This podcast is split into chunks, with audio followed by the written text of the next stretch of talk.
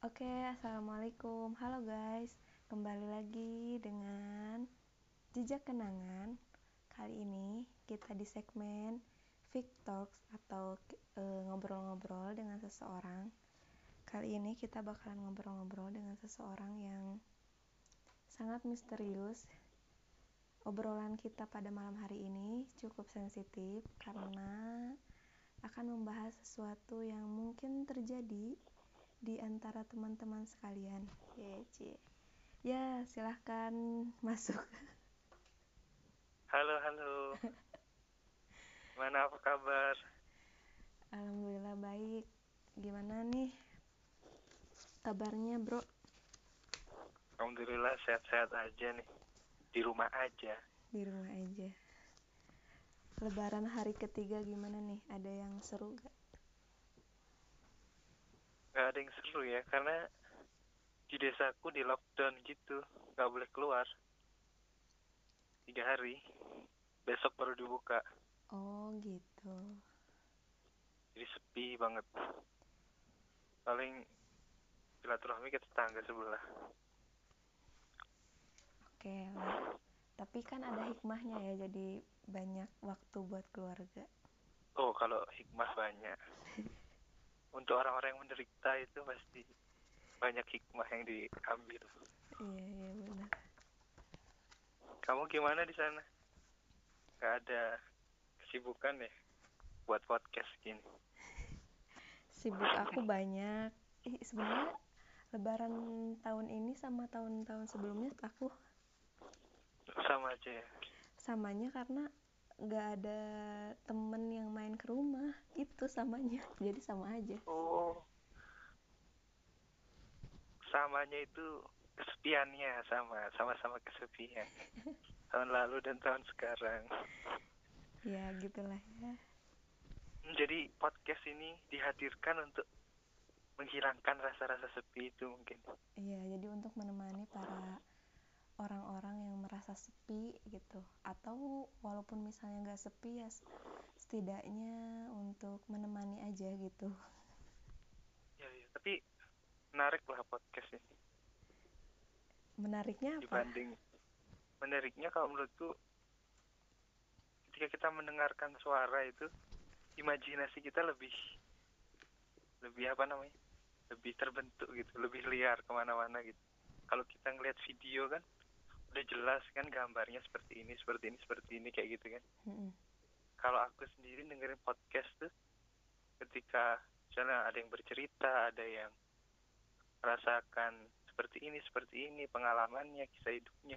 Jadi kita punya imajinasi sendiri gitu untuk ngebayangin peristiwa itu gitu. Nggak melulu di patok oleh satu foto satu gambar gitu. Berbeda kalau aku melihat video gitu kan sudah jelas kan hmm. peristiwanya gini orangnya seperti ini gini. Kalau kita cuma mendengarkan suara aja tuh imajinasinya lebih banyak gitu. Itu sih yang buat menurutku menarik gitu. Mendengar suara tanpa visualisasi kayak gitu. Kalau menurut lu gimana?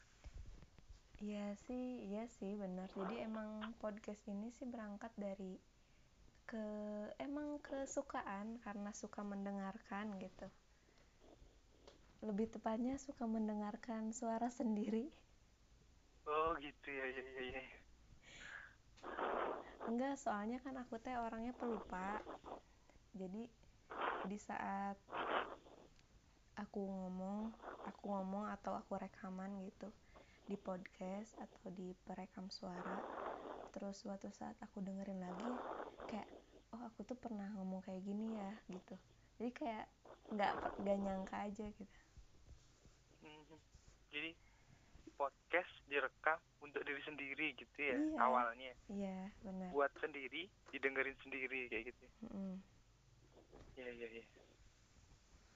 Terus terus jadi kita mau ngobrolin apa nih Ya, jadi kita malam ini kita mau bahas tentang cinta pertama.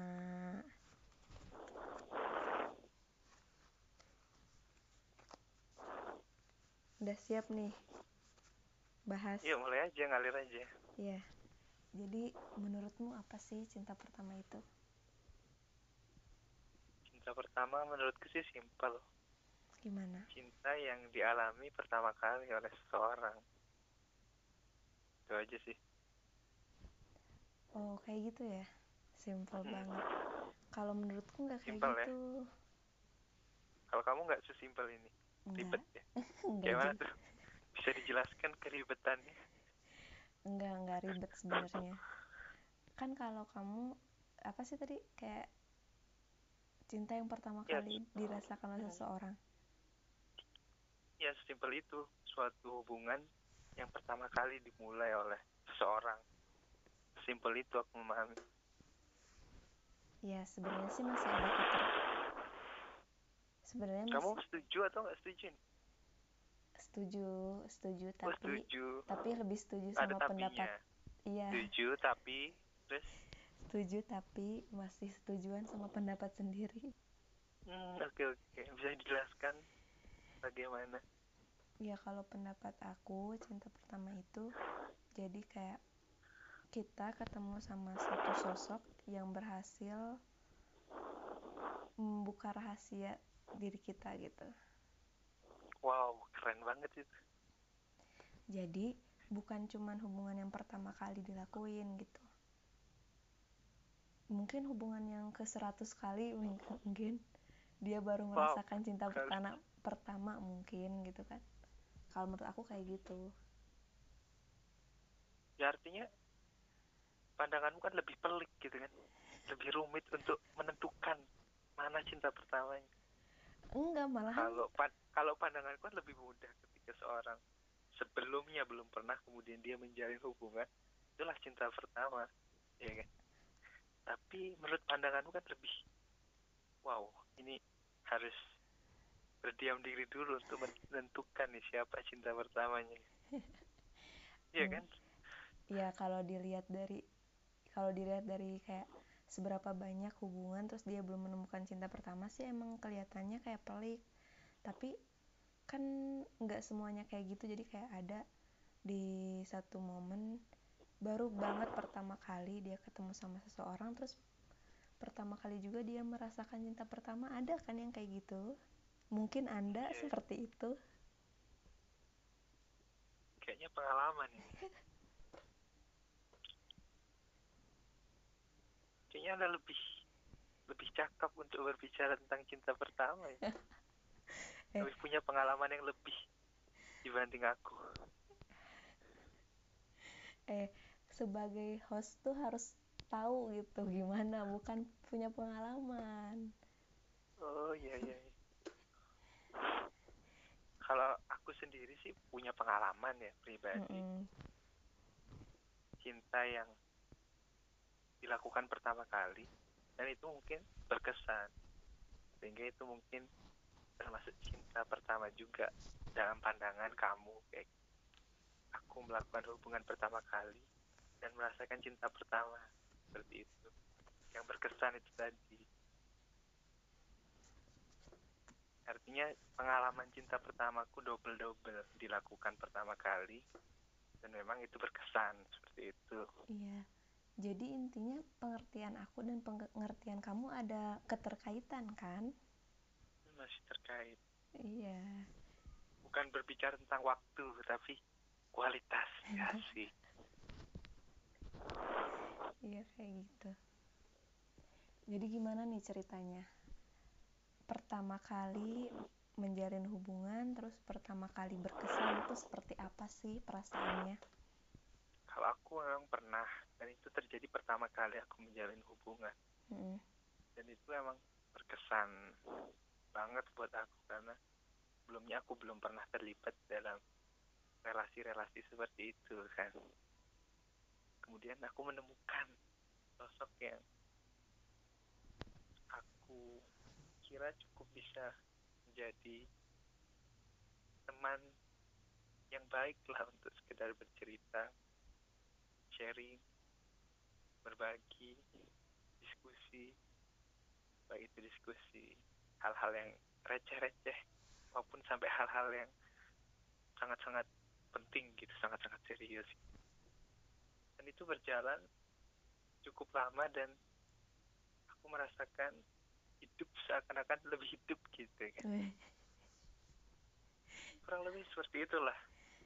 Oke oke. Menarik sekali ya ceritanya.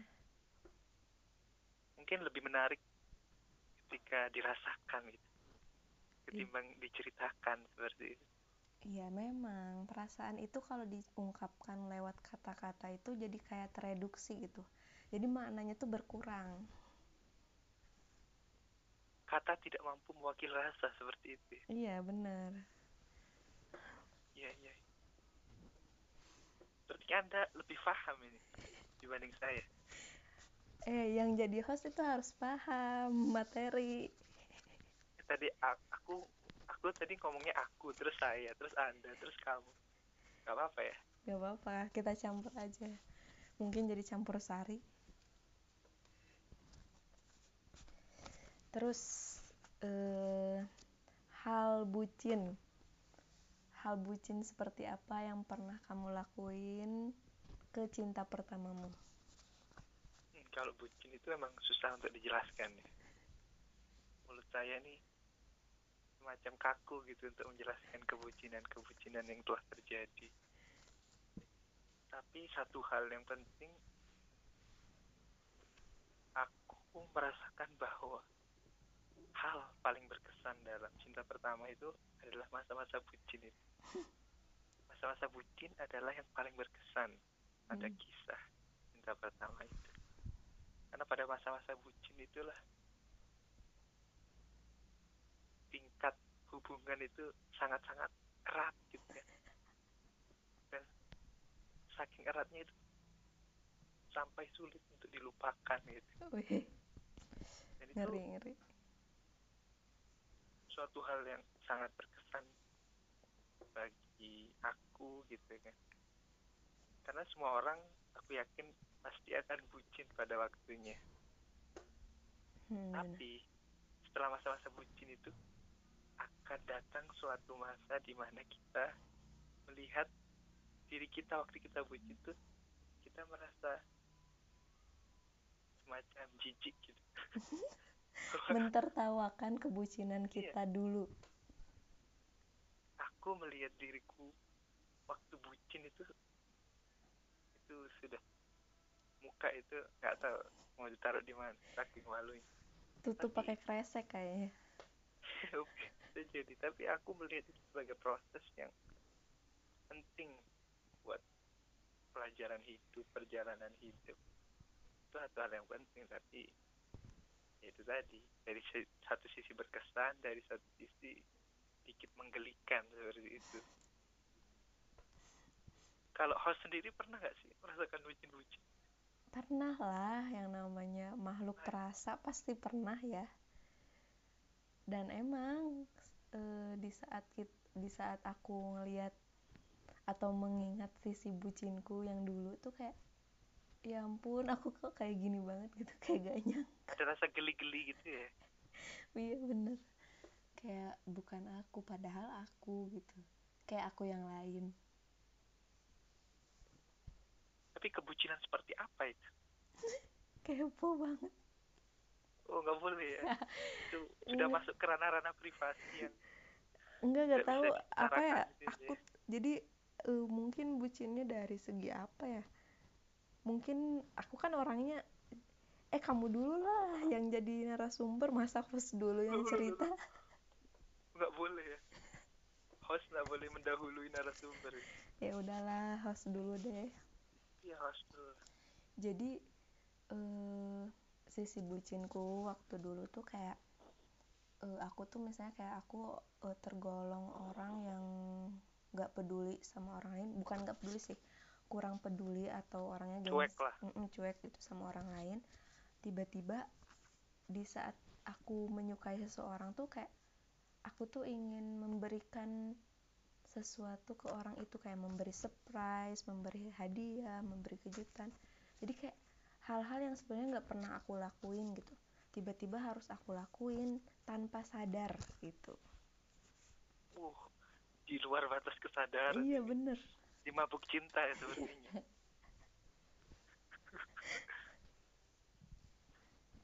ya kurang lebih aku juga merasakan. Tapi bagiku bucin itu sebuah keadaan di mana dunia ini cuma milik aku dan seseorang itu. Cuma milik berdua gitu. Yang lain Yang lain ngontrak. seakan-akan ngontrak gitu ya kan artinya hidupku dipenuhi dengan dirinya gitu Mm-mm. sedikit-sedikit memikirkan dia gitu apa pun yang kita lakukan tuh kayak kepikiran dia terus bahkan mau makan mau nulis mau baca buku gitu Mm-mm.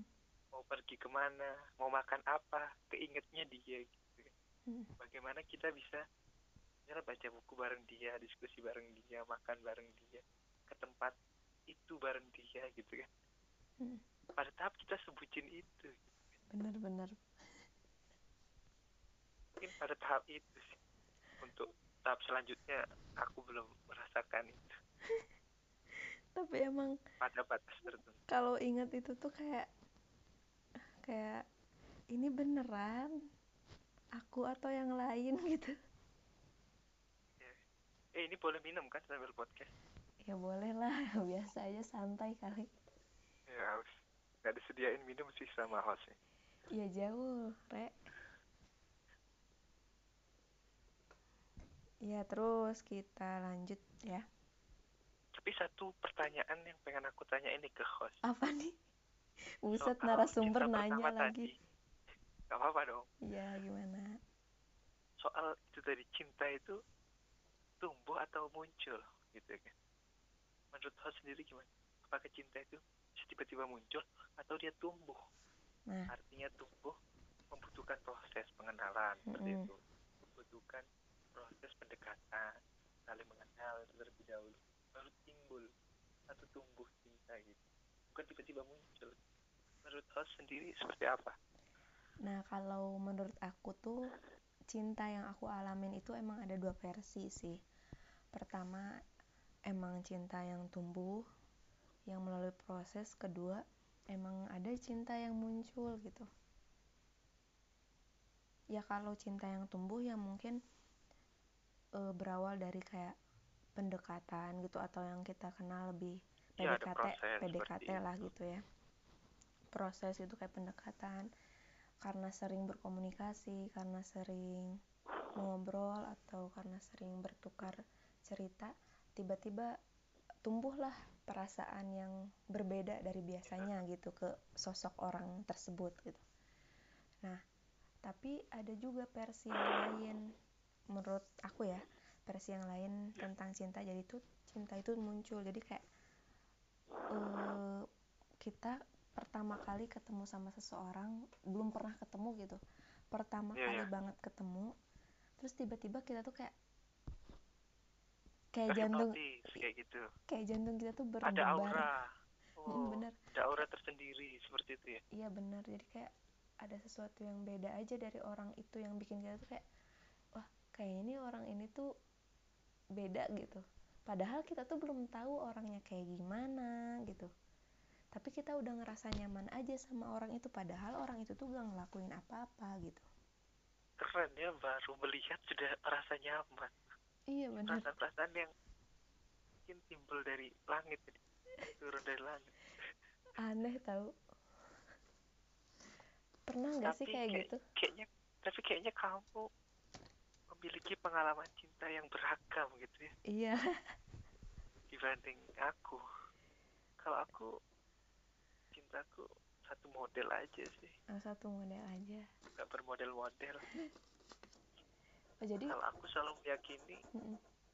cinta itu tumbuh gitu perlu ada proses perlu ada pengenalan perlu ada pendekatan seperti itu mungkin daya tarik itu bisa jadi muncul karena seseorang yang di luar memberikan semacam magnet gitu kan Hmm. daya tarik yang kuat sehingga kita ingin cenderung kepadanya gitu ini tuh ada ada daya tarik tapi aku selalu yakin bahwa cinta yang kuat gitu yang kokoh yang tahan lama tahan banting itu berawal dari proses yang panjang. Bukan hanya tiba-tiba seperti itu. Aku meyakini seperti itu. Karena kalau tiba-tiba muncul bisa-bisa itu cepat pudarnya seperti itu. Tapi sesuatu yang mulai dipupuk dibangun dari awal dijalin dirajut itu aku yakin lebih kuat ya karena ada proses dan selama proses itu memberi kesan dan daya lengket satu sama lain kayak gitu. Aku ngomong cukup puitis ya iya. Iya tapi kalau menurut aku tuh ya yang kayak cinta yang tiba-tiba muncul tuh tiba-tiba muncul terus dia tuh mengalami proses untuk penguatan cinta itu tuh itu malah yang lebih kuat kalau menurut aku gitu ya. Mm-mm, jadi kayak cinta itu kan tiba-tiba muncul kayak kita ketemu sama orang orang itu gak ngelakuin apa-apa tiba-tiba kayak kita tertarik sama orang itu. Nah setelah kita tertarik sama orang itu kan belum ada proses nih kita tertarik duluan kan. Nah Iya. setelah tertarik baru ada proses misalnya proses mengobrol atau berkomunikasi. Nah malahan yang kayak gitu yang lebih susah untuk dilupain gitu. Tapi banyaknya fenomena kayak gitu itu misalnya yang tertarik adalah di pihak perempuannya gitu. Mm-mm. tapi kan nggak jarang perempuan susah untuk mengungkapkan gitu kan. Iya benar-benar dan itu menjadi hambatan bagi dia untuk menjalin hubungan susah. Mm-mm, benar. Apalagi ditambah lagi adanya macam apa ya suatu tradisi lah suatu gaya bahwa perempuan itu tidak boleh mengutarakan gitu kan. Lebih baik menunggu pasif gitu kan sedangkan pihak laki-laki yang lebih aktif. Artinya budaya-budaya seperti ini yang membuat itu tadi batin tersiksa untuk orang-orang yang semacam dia tertarik kepada seorang tapi itu tadi keadaan tidak mengendaki untuk mereka bersama. Iya benar sih. Ya kan? Mm-mm, benar ya orang-orang seperti ini. Apa anda termasuk salah satu dari iya termasuk deh orang-orang seperti itu? Tapi emang bener tahu di saat cinta itu muncul tiba-tiba terus kita berusaha buat membangun hubungan gitu ya dengan seseorang yang memunculkan perasaan itu ternyata si orang itu tuh misalnya nggak peka gitu ya ya jadi kayak oke. eh, artinya melimpahkan kesalahan kepada laki-laki nggak peka. Terus terus. Iya kan kayak gitu ceritanya. Misalnya oke sese- terus sese- kemudian? seseorang itu tuh nggak peka jadi emang eh sebenarnya sih kayak di sisi lain kita tuh merasa seneng banget sama kehadiran dia yang yang cuman hadir doang tuh udah seneng. Tapi sebenarnya di sisi lain tuh kita tuh ngerasain rasa sakit karena waduh. ternyata cinta kita tuh nggak terbalas. Cinta ini unik ya. Satu sisi senang satu sisi sakit. Mm, artinya cinta bisa mempertemukan antara rasa senang dan sakit. Luar biasa ini cinta.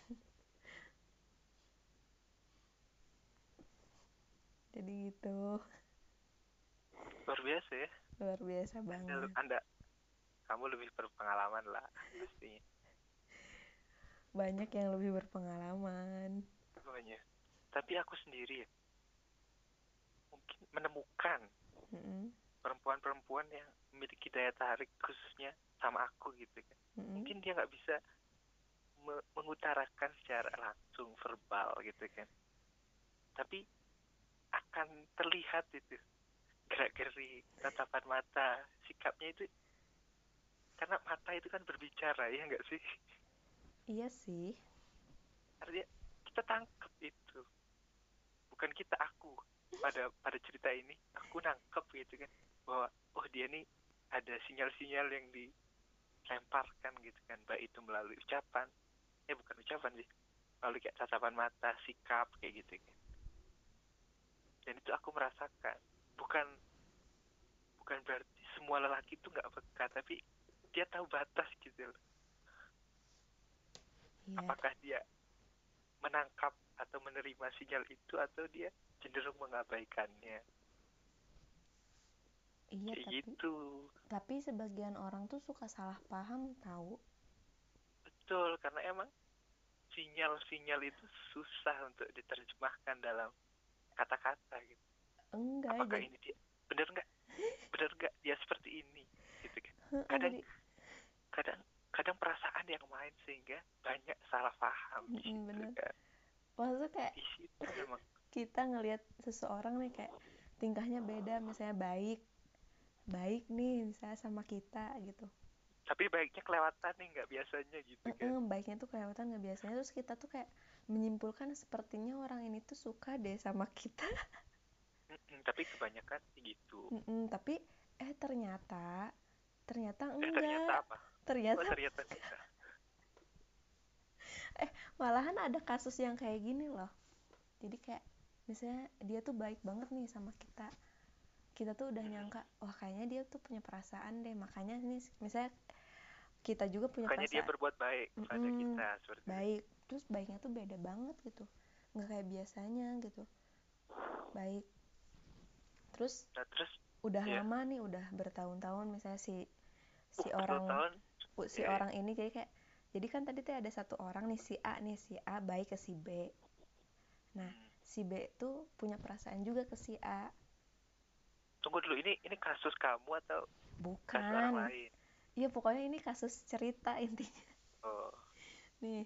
Nggak rasa rasanya kasus kamu tapi kamu menceritakannya dalam Enggak. orang lain. Enggak astagfirullah. Oh ya nggak apa-apa lanjut lanjut lanjut aja iya jadi enggak ini ini bukan kasus aku. Aku nggak pernah ya. Mengkonfirmasi aja. Iya mohon maaf ini narasumbernya siapa hostnya siapa? Oh iya iya iya. Karena biasanya cerita yang lahir dari pengalaman itu lebih dalam lebih detail dan lebih enggak. Soalnya aku tuh Wakili lah. ini para pen- aku tuh pendengar setia para pencerita gitu. Hmm, lanjut lanjut. Ya jadi aku mencoba setia ini mendengarkan cerita. Hmm. Jadi tadi lanjut ke misalnya ada nih si A baik ke si B. Baik baiknya tuh baik banget gitu. Si Hmm. B tuh karena kebaikan si A dia jadi suka gitu ada perasaan ke si A. Ya jadi si B tuh jadi suka ke si A. Si B tuh meyakini wah si A nih punya perasaan nih ke aku nih gitu. Ya pokoknya dia meyakini itu sampai bertahun-tahun wow kuat ya. Mungkin 10 tahun. Setelah 10 tahun setelah Hmm. 10 tahun kemudian kan si A tuh gak pernah ngomong apa-apa ya selama 10 tahun itu tuh. Kayak aku tuh ke kamu tuh nggak ada rasa atau gimana? Enggak. Jadi kayak dia tetap baik tapi dia dia tuh cuek gitu. Ya ya cuek tapi tetap baik gitu ke si B. Ngerti gak sih? Hmm. bingung aku juga. si A nya ini perempuan apa si B nya yang perempuan? Ini perlu. Si B nya perempuan si A nya laki-laki. Karena cenderung biasanya laki-laki yang lebih aktif lebih yang memberi yang memberi perhatian gitu kan. Ya nggak sih? Iya jadi iya maksud kayak si A nya tuh si laki-laki si B nya Oh, A laki-laki. perempuan Mm-mm. jadi A nya ini yang berbuat baik terus kepada yang si B. Apa nggak usah pakai A B dia laki-laki perempuan gitu ya jadi ya jadi si laki-laki ini tuh kan baik banget sama si perempuan. Nah si perempuannya tuh kan meyakini kalau si laki-laki tuh baik karena mungkin dia tuh punya Oke, oke. perasaan ke dia gitu kan. Terus, kemudian pada akhirnya? udah bertahun-tahun lamanya si perempuan tuh tetap meyakini oh ter- pokoknya si laki-laki ini tuh punya perasaan sama aku makanya aku tuh nggak buka hati ke yang lain gitu. Ya ya setelah meyakini itu semua dan selalu bahagia dan selalu senang gitu mungkin. Jadi semua hal yang dilakuin sama si laki-laki tuh selalu membuat si perempuan tuh senang gitu. Hmm. apa pun itu. Tiba-tiba kemudian di suatu tiba-tiba eh hari datang eh ternyata di suatu hari si perempuan tuh merasa janggal gitu. Udah lama nih tapi kok sikapnya tuh berubah berubahnya tuh kayak nggak kayak dulu gitu kayak hmm, malahan tiba-tiba kayak, perhatian mm-mm, tiba-tiba perhat mulai perhat- memudar lah perhatian-perhatian yang sudah diberikan terus? Mm-mm, gitu. Udah gitu si laki-lakinya tuh dengan santainya bilang ke si perempuan kayak gini ya mungkin si perempuannya nanya kali ya atau gimana? Gimana perasaan Kemudian? kamu- perasaanmu ke aku mungkin gitu eh terus si laki-laki tuh bilang siapa yang nanya tuh? Si perempuan ke si laki-laki. Oke. kenapa eh kan si perempuan tuh nanya gimana perasaanmu ke aku? Kenapa kamu tuh baik banget? Eh gimana perasaanmu ke aku? Gitu. Terus kata si laki-laki ya perasaan aku ke kamu ya biasa aja gitu. Biasa aja kayak gimana? kata si perempuan tuh. Terus kenapa kamu baik banget ke aku kalau perasaanmu biasa aja? Ya emang segala sesuatu itu harus ada rasa ya kata si laki-laki tuh kayak gitu. Keren si laki-laki nih. Berarti teman namanya teman kan harus saling perhatian kayak gitu. Tapi, terjebak dalam friend zone tapi uh, parah banget tau asli. Tapi artinya ini ini menarik ini menarik. Artinya mm -hmm. satu pelajaran eh ya satu pelajaran bahwa tidak semua perhatian yang diberikan itu mengindikasikan ada rasa di sana ya kan? Iya benar. Boleh jadi itu sebatas memang kita teman walaupun berbeda gender gitu kan. Hmm. tapi kita saling berbagi tapi itu hanya sebatas teman gitu. Tapi di sini si perempuan itu menangkap sebagai sinyal-sinyal bahwa dia suka gitu lah. Ada harapan -hmm. oh dia ini suka sama iya kenapa? Dan, dan si... salah salahnya tidak dikonfirmasi dari awal seperti itu enggak ya, jadi si... tidak dikonfirmasi dari awal apakah ini memang rasa suka atau sekedar teman. Iya. sehingga yeah. waktu berlalu dengan ekspektasi bahwa dia suka ternyata pada puncak dia suka. Ternyata tidak seperti yang disangka dan itu yang sakit. Harapan dia itu yang sakit ya kan iya tapi si pentingnya itu tadi uh -uh, tapi apa, gini adanya adanya ketegasan relasi ini apa hubungannya mungkin itu Iya sih benar, cuman. Tapi di satu sisi juga laki-lakinya harus bisa. Ih, makanya dengerin dulu. Memberikan sikap tegas bahwa pemberianku ini bukan atas rasa cinta. Wah, iya, tapi uh, cinta yang khusus ya. Eh, dengerin. Biar teman kayak gitu. Si si okay, okay. perempuannya eh si laki-lakinya itu selalu memberikan sikap si, sikap yang gimana ya kayak menunjukkan kalau mm -mm, kalau dia tuh kayak nggak mau kehilangan si perempuan gitu atau kalau misalnya si perempuan gimana ya nggak ada kabar ke si laki-laki gitu merasa kehilangan gitu. Kan itu tuh kayak udah nunjukin sikap-sikap suka kan sikap saling perhatian yang berlebih dibanding mm -hmm. teman lainnya seperti itu kan? Iya tapi, ya tapi ya kayak gitu. Tapi poinnya tuh di di relasi. Apa namanya? Korelasi. Status di statusnya itu. Yeah. maksud aku yang status itu yang belum jelas. Ya kan? Mm -hmm.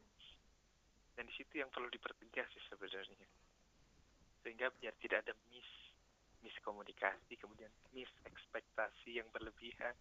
Ya benar. Gitu. tapi ini kalau mau di ringkas dalam satu satu kalimat itu hadirnya perempuan itu hanya sekedar untuk menghilangkan kesepian si laki-laki aja. Ya gak sih? Iya gitu mungkin ya. Kasian tapi pernah nggak kamu nonton film ini 500 Days of Summer. Belum. Belum. 500 hari. Itu film menarik dan kamu perlu nonton perlu banget. Oh promosi Jadi, ya? Iya siap. Cerita udah udah udah lama sih film udah sekitar 2009 lah. Mm. film romance komedi gitu kan. Antara dua kalau ini dari cerita kamu tadi berbalik.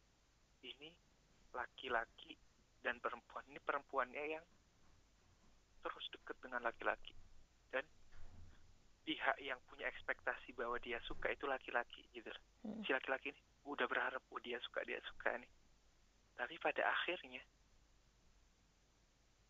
si perempuan ini meninggalkan dia dan menikah dengan orang lain oh. itu itu tapi menariknya di awal cerita memang disebutkan ini bukan kisah cinta satu kemudian akan ada perspektif-perspektif perspektif si laki-laki Tom namanya dan laki-laki yang perempuan ini Summer namanya hmm. si Summer dari awal sudah bilang kita tidak pacaran kita sekedar teman aja gitu tapi pada relasi antar keduanya itu melebihi pertemanan Mm-mm. yang sewajarnya mereka jalan bareng tiap hari nonton bareng. Bahkan pada akhirnya Summer emang bilang bahwa ya itu tadi aku tidak maksudnya tidak tidak cocok buatmu gitu. Akhirnya dia nikah sama orang lain. Tapi nanti kalau kamu nonton filmnya akan lebih dapet tuh sisi-sisi yang ingin didekatkan artinya itu tadi bahwa hubungan yang saling tadi itu tidak mengindikasikan keseriusan cinta seperti itu. Boleh jadi ya emang suka sama suka. Tapi sebatas itu saja gitu. Tidak ingin berlanjut ke jenjang yang serius. Ini menarik. Iya iya bener menarik sih menarik. Sangat menarik. menarik. Dan kamu wajib nonton. Yes. 500 Days of Summer Oke oke. filmnya 2009 lakinya namanya Tom kemudian si perempuannya namanya Summer mungkin aku nggak cerita lebih jauh biar nggak banyak spoiler jadi kamu nonton sendiri wajib Oke. ya itu sih menarik Lanjut ke pembahasan kita yang sudah melebar. Oke, ini pertanyaan terakhir nih. Percaya nggak sama pernyataan kalau cinta pertama itu susah untuk tergantikan meskipun sudah ada yang baru? percaya nggak percaya? Tapi poinnya di berkesannya itu sih. Susah dilupakannya karena berkesannya itu. Berkesannya itu karena kebucinan-kebucinan yang dilakukan dan kemudian bagaimana kebucinan itu bisa dilupakan itu tergantung seberapa lama hubungannya dan seberapa dalam kebucinannya. Mm-mm. artinya ketika cinta pertama adalah yang paling berkesan paling lama durasinya dan paling dalam kebucinannya aku bisa pastikan sulit untuk dilupakan. Begitu saja artinya butuh waktu yang cukup lama kayak gitu sih menurutku tinggal bagaimana intensitas Mm-mm. hubungan mereka dan kebucinan mereka. Itu sih. Kayak gitu. Emang kamu punya pengalaman gitu yang membuat kamu susah melupakannya gitu? Sehingga hadir di pertanyaan ini? Atau ini? Ya, pertanyaan pertanyaan umum aja muncul tapi aja. aku kira kayaknya kamu membuat list list pertanyaan ini berdasarkan pengalaman pribadi sepertinya begitu Ya kalau peng- pertanyaan muncul aja, kalau pengalaman ada sih pengalaman. Sebenarnya sih eh, yang susah dilupain tuh bukan orangnya sebenarnya, tapi tapi kenangan-kenangannya gitu. tapi kan kita nggak mungkin dong memisahkan kenangan dan orangnya Iya sih, iya sih benar. Iya sih kalau lucu lucu banget sih. Iya aku ngenangin itu. Nggak ada orangnya dilupain. Enggak terus tapi sama siapa kamu? Tapi enggak tapi kalau kalau aku tuh pas gimana ya? Apalagi kalau misalnya eh gimana ya cari kisah kisah aku sama orang itu tuh kayak berakhirnya tuh nggak baik-baik gitu ya. Hmm. jadi kayak aku tuh nggak inget sama orangnya karena menurut aku buat apa aku mengingat orangnya yang sudah menyakiti aku? Padahal sebenarnya sih dia nggak menyakiti gitu. Oh kayak gitu. Tapi Mm-mm. tapi sulit nggak sih menurut kamu untuk memisahkan kenangan dan orang? Enggak jadi ada bebe- ada beberapa part-part jadi emang ada yang aku ingat kenangannya tapi sama orangnya nggak ingat. Ada yang kayak gitu tapi emang ada yang Bu- orang sebenarnya bu, menurutku bukan nggak inget sih. Nggak diinget kayak gitu. Iya karena karena terkadang patah hati. Mungkin orang itu menyakiti sehingga "Ah, apaan sih orang ini? Yang penting kenangannya gitu. Iya kayak gitu sih. Iya sih kayak gitu. Mungkin boleh jadi kamu bisa memisahkan antara subjek atau orang dan peristiwa kenangan itu. Tapi menurutku kenangan dan orang tuh ya apa ya punya kaitan yang erat dan mungkin agak susah untuk memisahkan menurutku. Iya Ya, bener. kamu sudah ahli ahli kenangan seseorang. Tapi emang di sisi lain malahan karena orang itu gitu sesuatu kayak suatu tempat jadi berkesan tuh karena ada karena orangnya gitu. Ngerti gak sih? Iya kadang emang kayak Berarti gitu kan- gitu. Nggak bisa kita memisahkan subjeknya dong orangnya dong. Justru karena orang itu tempat itu berkesan kan. Bukan karena peristiwa makannya. Iya.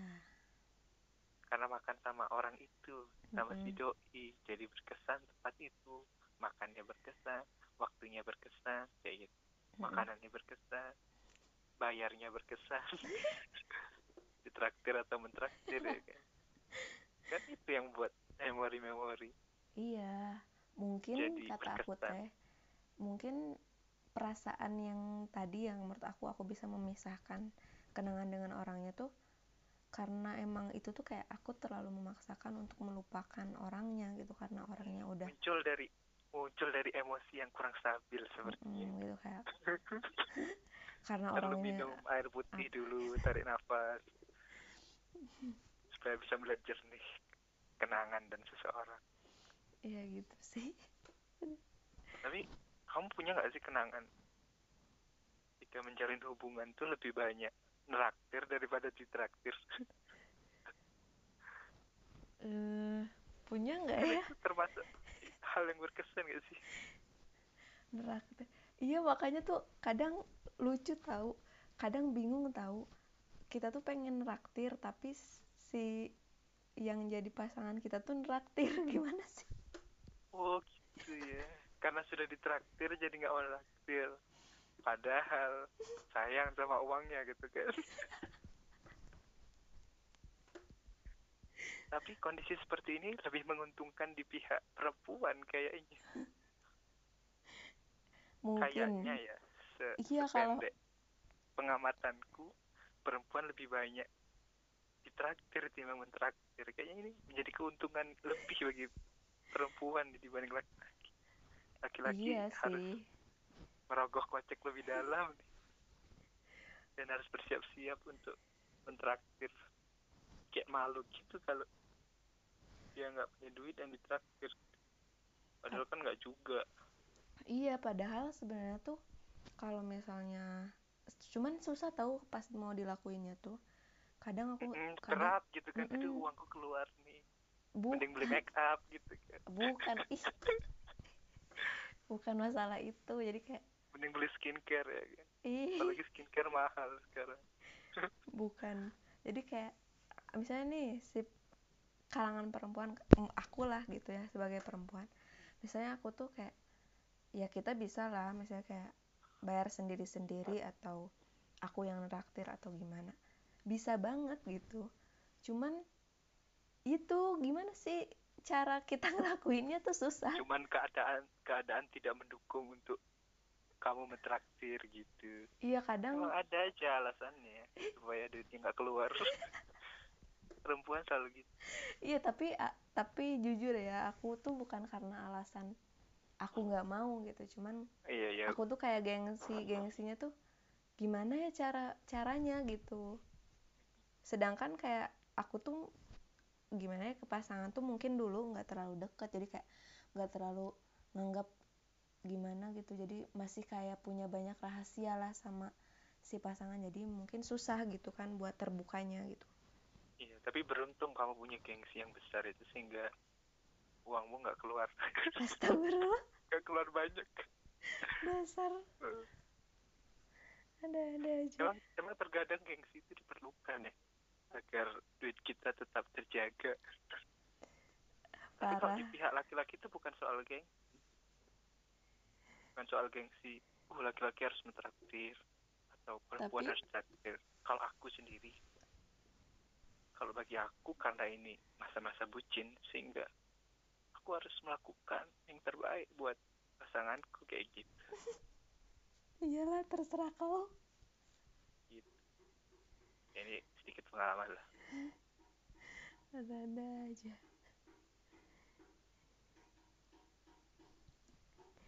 Ya udah nih. ini udah cukup larut. Mm, gimana nih pes- pesan deh pesan pesan buat para pendengar nih tentang cinta pertama gimana pesannya? Apa ya pesan yang aku bisa berikan? Karena justru aku yang harus dikasih pesan bukan yang ngasih pesan. Ya, tapi karena ini akan didengarkan banyak orang. Mm, tapi satu hal sih nikmati saja prosesnya. Semua orang akan bucin pada waktunya. Tapi pada satu titik dia akan mengerti dia akan memahami kan?